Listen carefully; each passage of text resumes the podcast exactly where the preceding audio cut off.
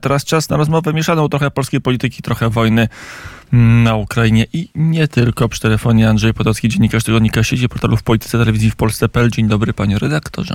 Witam serdecznie.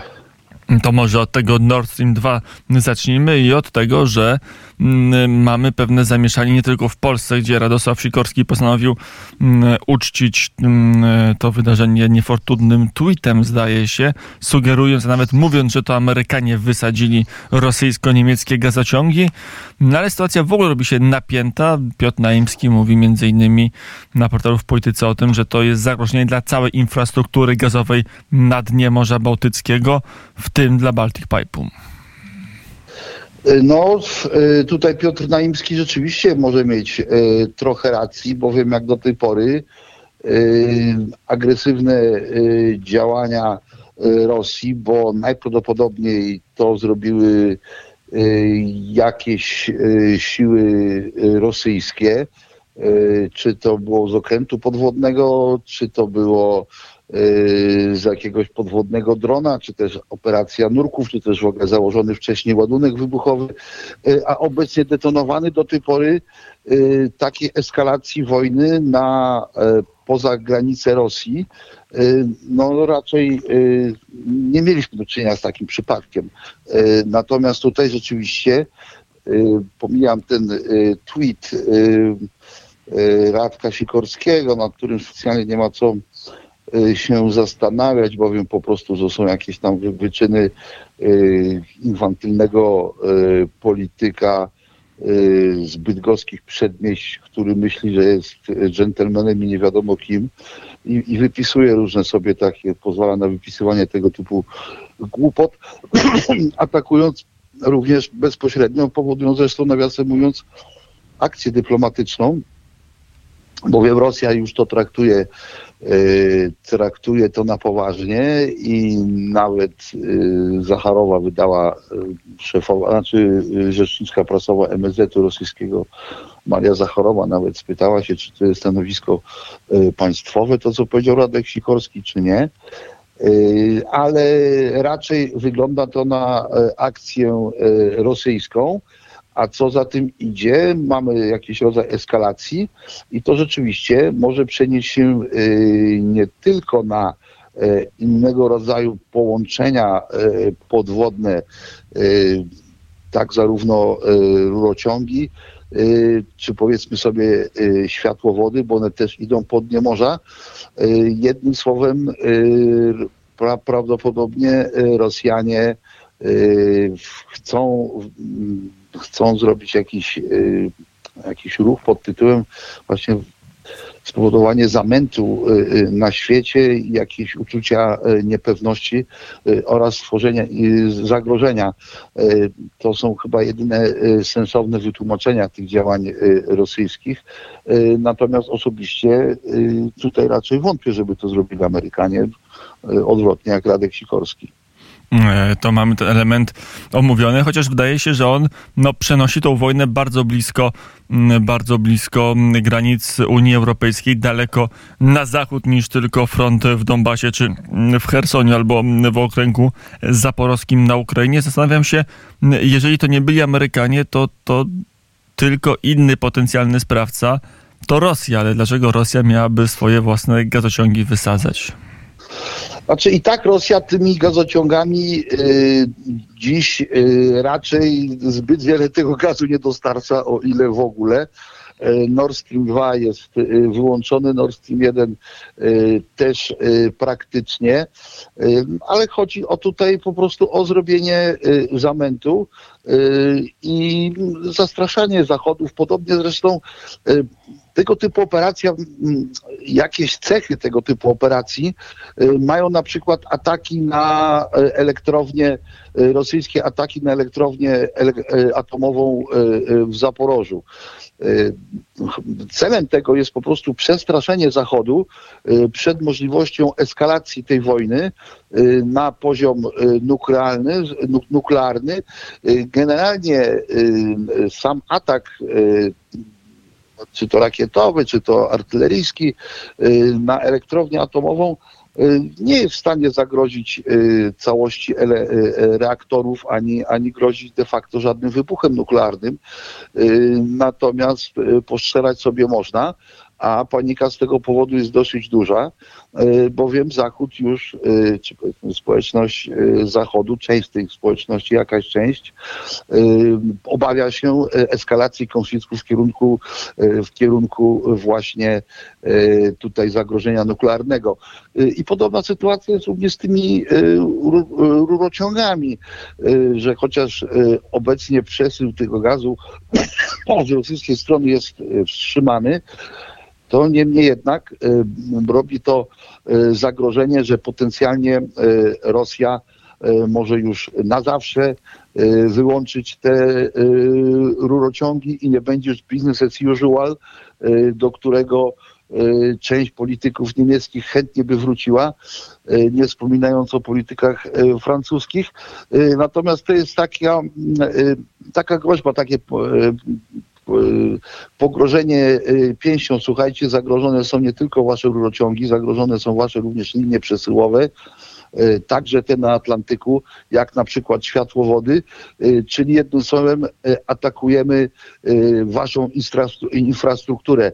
Rosjanin boi się bezpośrednio przyznać do tego ataku, bowiem to by było już poważne naruszenie prawa międzynarodowego, ale jak e, nikt nie wie i pozostaje wszystko w domysłach, w związku z tym e, to zagrożenie jak gdyby no, wzrasta i rzeczywiście może nawet spowodować pewne takie wahania się w społecznościach e, Zachodu, e, czy dalsze kontynuowanie tej wojny ma sens, no bo atakują nam nawet bezpośrednio już e, rurociągi i zagrożone są nasze linie przesyłowe które, które, które, którymi zaopatrywana jest nasza e, infrastruktura.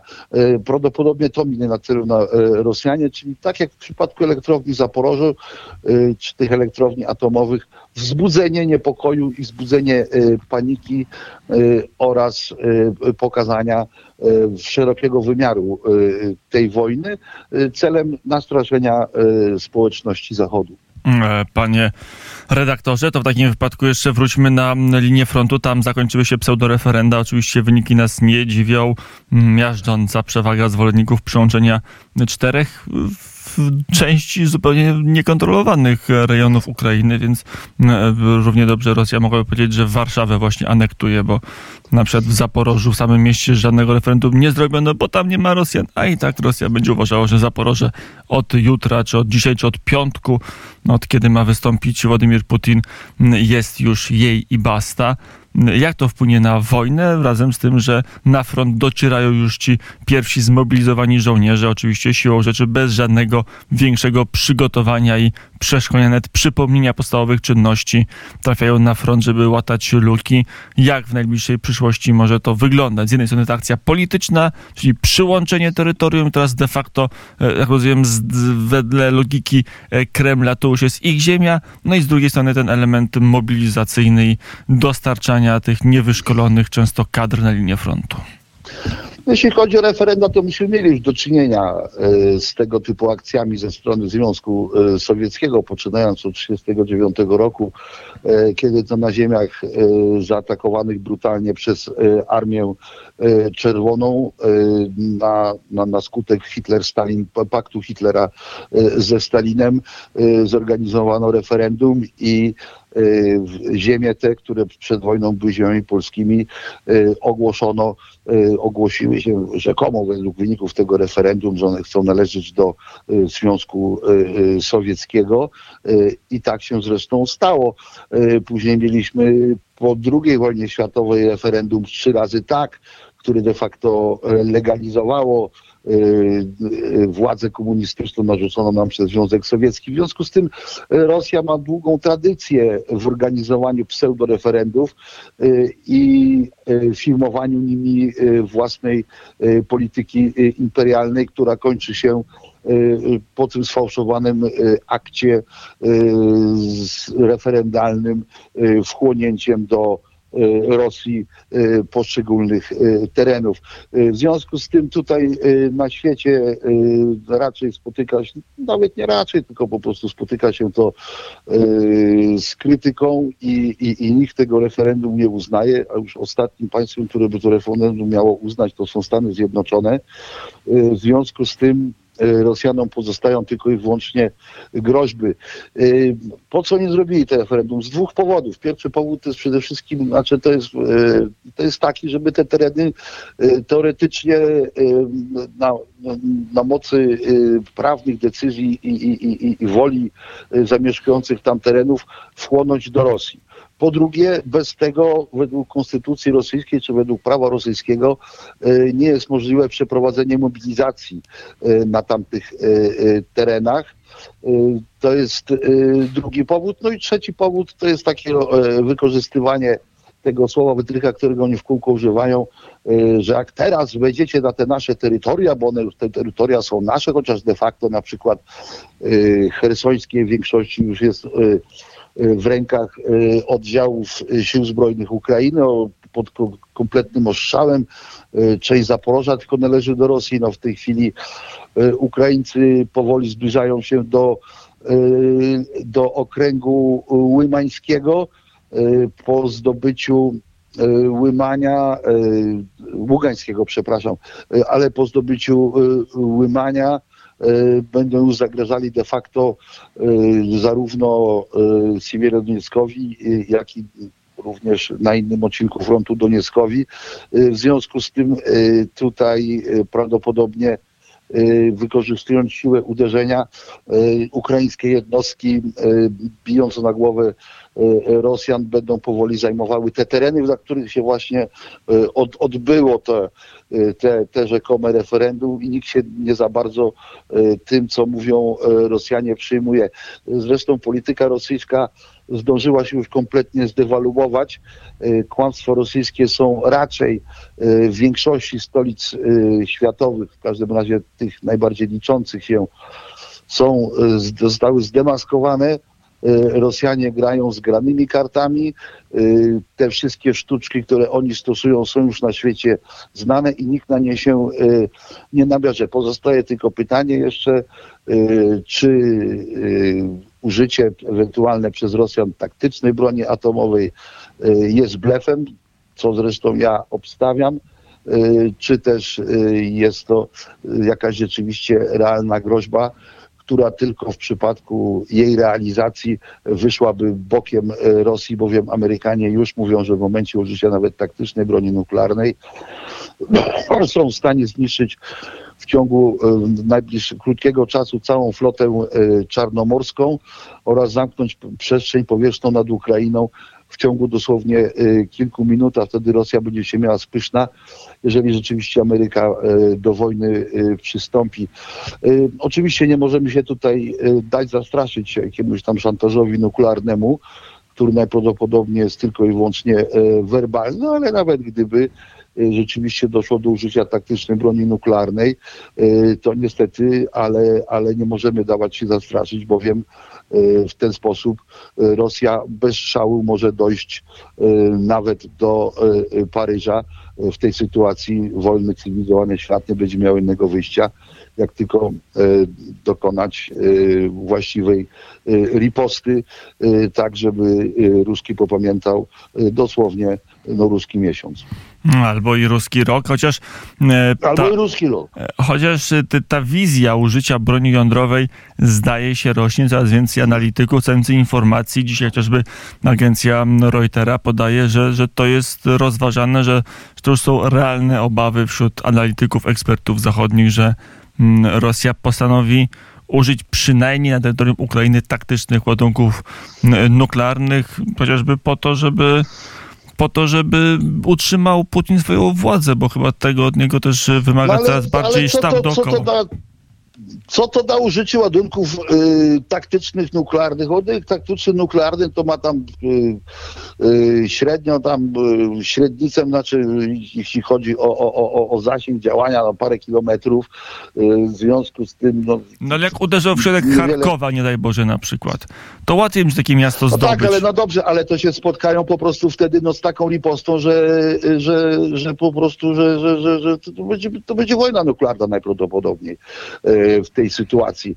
Poza tym zauważyłem jedną rzecz, im więcej Rosjanie mówią o tym, że tej wojny, że tej broni użyją, e, mam na myśli broni masowego rażenia, konkretnie broni atomowej, e, to tym więcej analityków zachodnich drapie się w głowę, zastanawia się, co będzie, jak użyją, co my z tym zrobimy i tak dalej, i tak dalej. W związku z tym to jest taka trochę samo nakręcająca się przepowiednia, y, której nie wolno y, za bardzo y, ulegać.